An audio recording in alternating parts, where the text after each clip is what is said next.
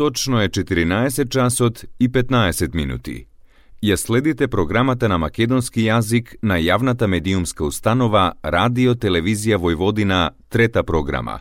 Емисија Македониум.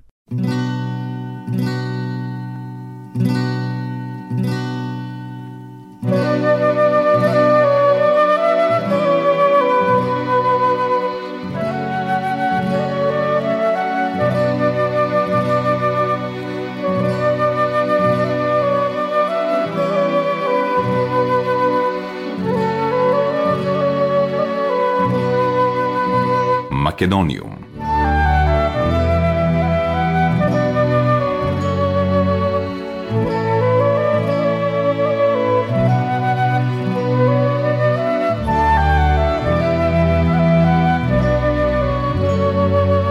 Добар ден и добре дојдовте во уште едно издание на емисијата Македониум. Срдечен и голем поздрав до сите вас кои што не следите секоја среда со почеток во 14 часот и 15 минути на фреквенцијата на третата програма на радиото при Радио Телевизија Војводина. Јас сум вашиот уредник и водител на оваа емисија Јулијана Милутиновиќ.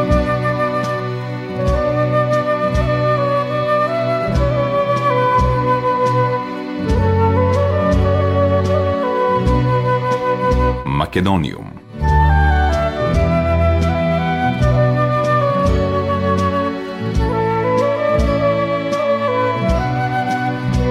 Еден од осумте статистички региони на Македонија е Полошкиот регион. Тој се наоѓа во северозападниот дел на државата и се граничи со југозападниот и со Скопскиот регион. Полошки регион го сочинуваат Полошката котлина со планинските масиви кои ја заобиколуваат. Шар планина, Жеден, Сувагора, Мавровската висорамнина, планинскиот масив Бистра и долината на реката Радика со вкупна површина од 2416 км квадратни или 9,7% од територијата на Македонија. Регионот има 184 населени места, од кои 182 се рурални, а две урбани населби Тетово и Гостивар. Полошки регион е поделен на 9 општини. Административен центар на регионот е Тетово, а котлината се одликува со типична рамница со надморска височина од 400 до 500 метри и стрмно издигнати живописни планини кои достигнуваат над 2700 метри надморска височина. Присутна е голема геолошка, релјефна, климатска, флористичка и антропогена разновидност. Полошкиот планински регион има вкупно 304.000 жители. Регионот располага со добри сообраќајници и со еден автопатен правец Скопје Тетово Гостивар, една железничка пруга Скопје Тетово Гостивар Кичево, неколку жичници и ски лифтови на ски центрите Попова Шапка и Маврово. Од овој регион се одвојуваат сообраќајници кон Мавровско-Дебарскиот крај и кон Косово. Низ регионот има голем број локални правци.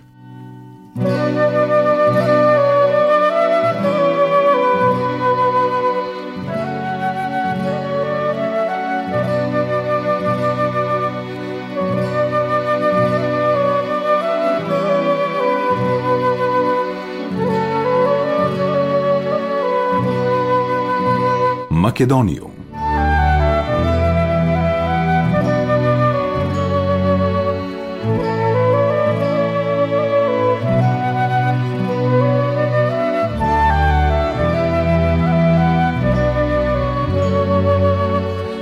Полошкиот регион има типично континентална клима со посебни температурни специфичности на топли лета и студени зими, со остар преод од зима кон лето. Просечната годишна температура во Полошки регион изнесува 11 степени во Тетово, а околу 10 во Гостивар, додека на Попова шапка изнесува 4,6 степени Целзиусови, така што на планинските масиви од овој регион владее типична планинска клима. Во Полог просечно годишно има врнежи од 800 мм, а на планините 1100. Врнижите се повеќе изразени во зимскиот период од годината и од нив голем процент се снежни, создавајќи услови за зимски спортови и туристички активности.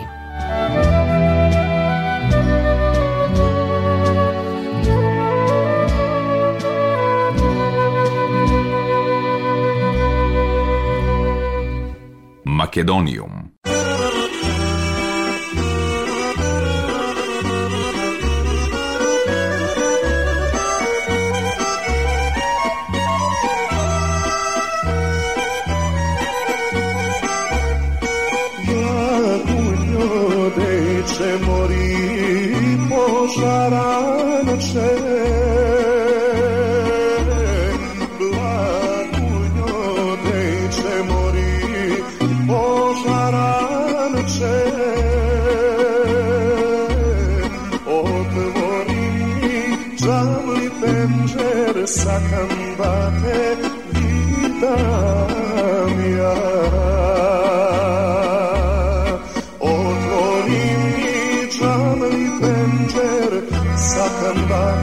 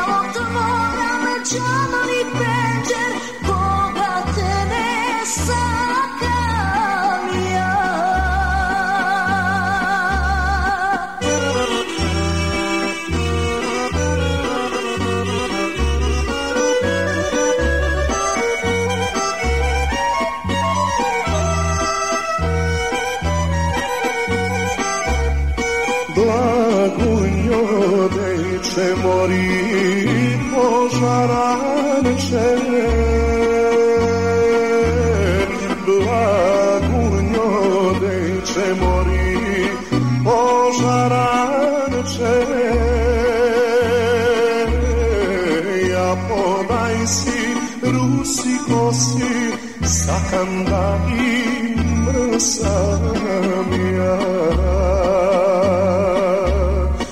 Ja ponaj si rusi kosi Sakam da din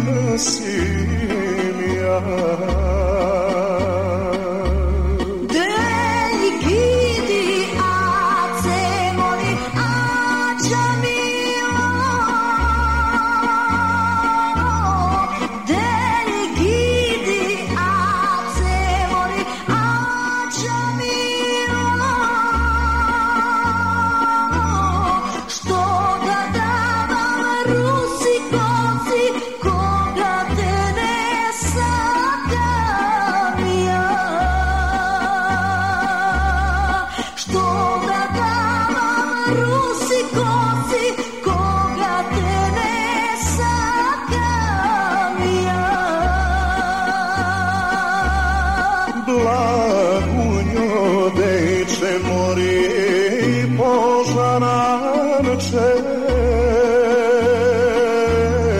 dal pugno dei cemori posarà noce che samo da pensieri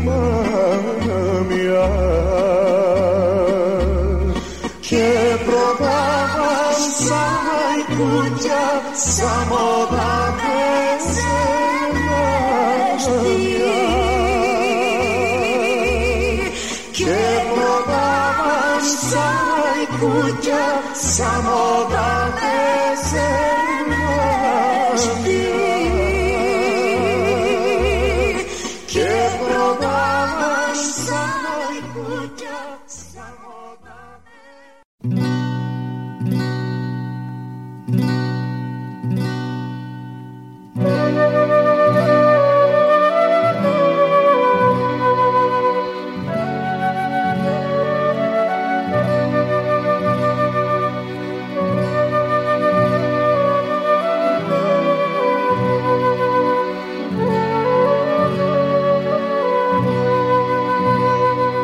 Edonium.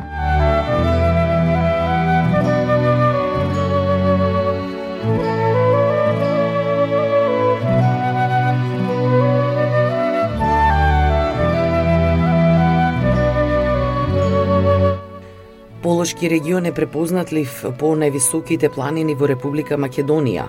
Планината Кораб е типична алпска планина со многу врвови повисоки од 2500 метри.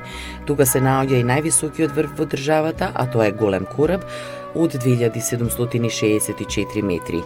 Овој планински предел изобилува со природни убавени, 12 постојани глацијални езера, длабоки и атрактивни речни долини со глисури и кањони. Канјонот Барична, реката Радика, долг 42 километри, со брзаци и слапови водопади, Корабскиот водопад на реката Длабока река, кој е висок 136 метри и богата вегетација, Кораб е дел од Националниот парк Маврово со погодни терени за трасирање, скијачки патеки и слично. Во овој регион се наоѓа најголемиот национален парк во Македонија, Националниот парк Маврово на јужниот брег на Мавровското езеро. Националниот парк има отворено туристички инфоцентар каде што туристите може да ги добијат сите необходни информации поврзани со нивниот престој и понудата на паркот. Втора планина по височина во Република Македонија, а прва по планински пространства е Шар планина. Тоа е типична планина со алпски предели на високи и стрмни врвови, со планински езера, високи водопади, остатоци од стари валовски долини, но и на зарамнети била.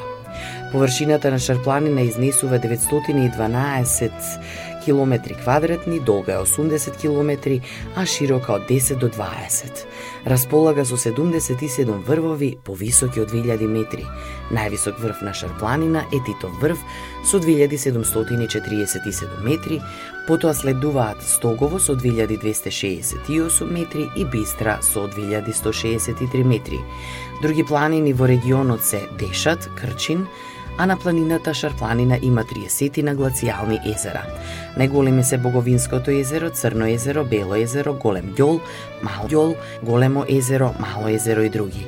На планината лоцирани се бројни атрактивни локалитети, како што се Попова шапка, Лешница, Јелак, Маздрача, Води, Љуботен и друго. На локалитетот Попова шапка се наоѓа зимскиот скијачки центар Попова шапка, кој представува населба со бројни викендички, хотели, ресторани, извонредни скијачки терени, жичници, ски лифтови, планинарски дом. Регионот изобилува со извори и врутоци. Најзабележителни се горното течение на реката Вардар до Дервенската клисура, живописната долина на реката Пена, Лакавица и голем број на планински реки релјефната дисецираност, релативните висински разлики, геолошката разновидност и присуството на вода, заедно со карактеристичната клима, овозможуваат развој за разновиден растителен свет, представен со разновидна дендофлора – бука, даб, бреза, костен, габер или бор, како и тревна вегетација со присуство на ендемични и ретки видови. Во регионот исто така се среќаваат разновидни видови крупен и ситен дивеч, мечка, волк, срна, дива коза, дива свиња и разни видови птици и влекачи.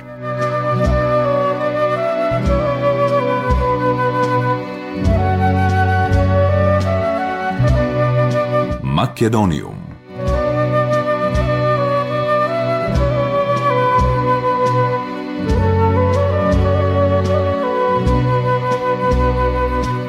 Планскиот полошки регион изобилува со планински предели и зимски спортски центри. Тоа се Попова Шапкаски центар на 1780 метри надморска височина и Мавровски центар на 1270 метри. На двата центри активно се одвиваат повеќе туристичко-спортски и рекреативни активности на скијање, пешачење, планинарење, параглайдерство, велосипедизам, лов, риболов и друго. Овде се сконцентрирани повеќе жичници и ски терени, потоа две поголеми викенд населби, како и најголемиот број сместувачки капацитети и репрезентативни угостителски објекти во регионот.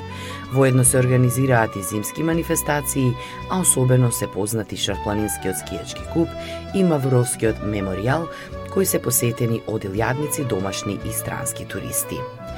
Трета висока планина во регионот е планината Бистра, која е втора по важност планина со зимско-спортски активности. Тука се наоѓа ски центарот Маврово, а Бистра е дел од Националниот парк Маврово. Оваа планина е пониска, а највисок врв е Меденица 2163 метри и е помала по површина од шар планина. Бистра располага со разновидни геоморфолошки површински и подземни релефни облици, како што се глацијалниот релеф, вртачи, ували, карстни полиња, понорици, пештери, безни, извори на реки, кањони и друго.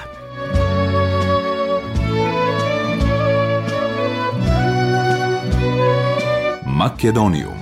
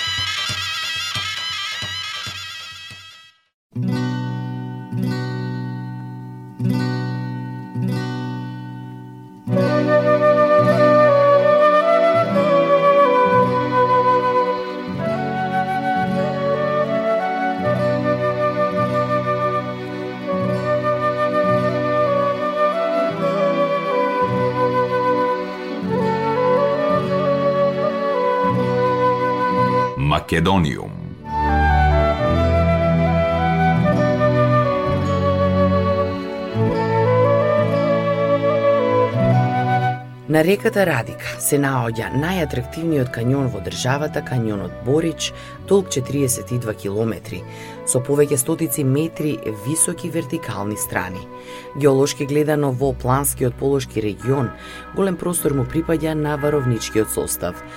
Така, тука се среќаваат најразлични карстни површински и подземни облици. Од сите нив најатрактивни се пештерите. За туристите се препорачуваат пештерите Шаркова дупка на Бистра, пештера која е прилагодена за посета, и Ѓоновица или Убавица на планината Буковиќ, како и пештерите на планината Сувагора. Во Полошки регион извира најголемата река во Република Македонија. Тоа е река Вардар со должина од 301 километар. Други познати реки се Пена, Радика, Мавровска, Боговинска, Маздрача, Падалишка и други.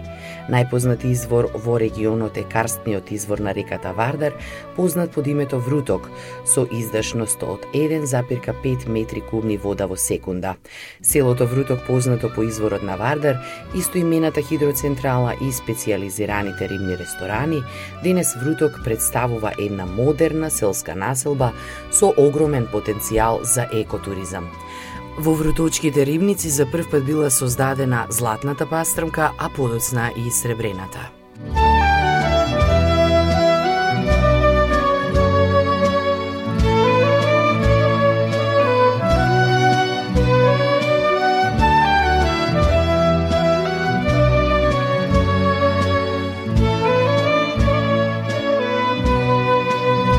Македониум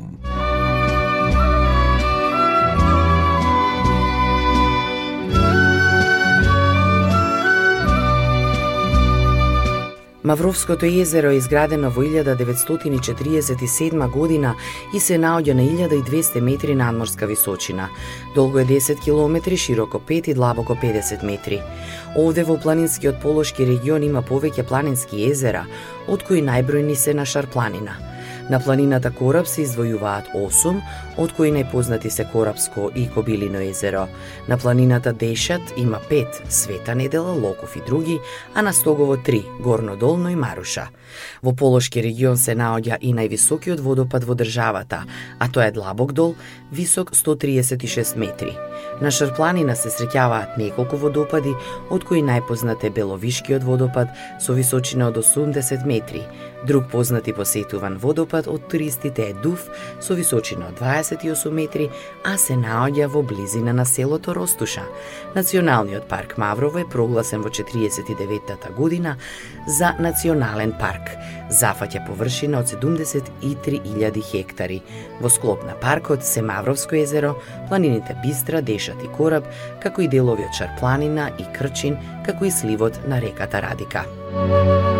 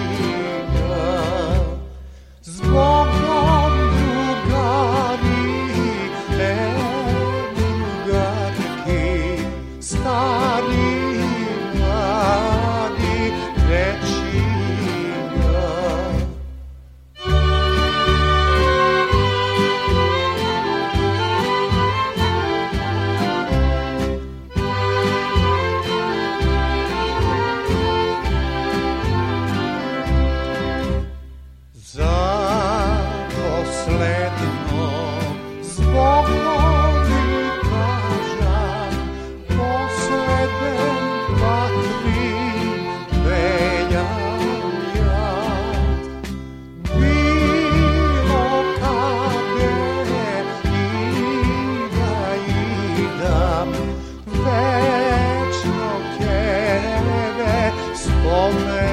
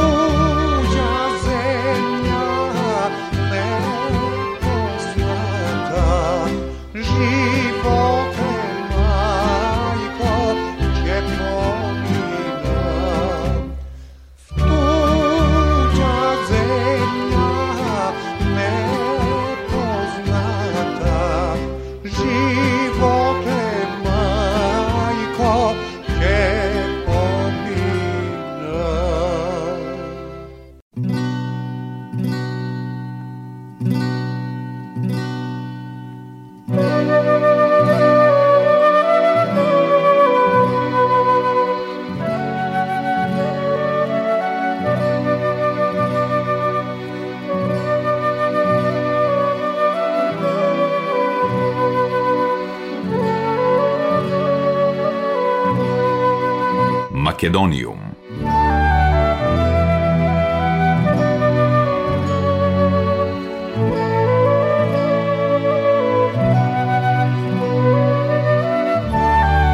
Почитувани слушатели, тоа беше се во денешното издание на емисијата Македониум. До следната недела во исто време, срдечен и голем поздрав од вашиот уредник и водител Јулијана Милутиновиќ.